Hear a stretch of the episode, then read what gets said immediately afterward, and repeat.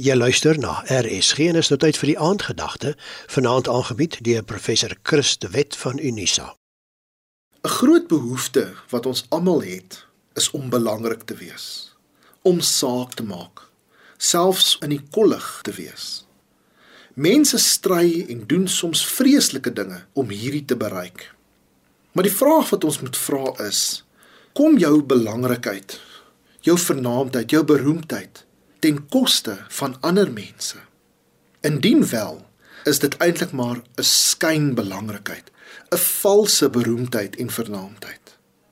Hoe kan ek in God se oë vernaam en belangrik wees? Wat beskou God as 'n belangrike persoon? Ons word so bemoei deur wat die wêreld as belangrik sien, dat ons dikwels vergeet ook wat God wil sien. Deur nederigheid en selfbeheersing uit te oefen, Twee verdere eienskappe van die vrug van die Gees in Galasiërs 5 kan ons werklik in God se oë vernaam wees. Is dit nie ironies nie dat volgens die Bybel om bo uit te kom en belangrik te wees, moet ek myself eintlik verneder, ek moet myself nederig maak, ek moet myself verlaag en nie altyd glo ek is beter as ander nie en nie altyd my eie belange bo ander te stel nie. Dit beteken om mense nie net te behandel as middele tot 'n doel nie, maar dat ons elke persoon sien as 'n doel in hom of haarself. Dit was tog Jesus se gesindheid. Nederigheid kweek dan ook selfbeheersing, want ek leer om ander in ag te neem wanneer ek nederig is.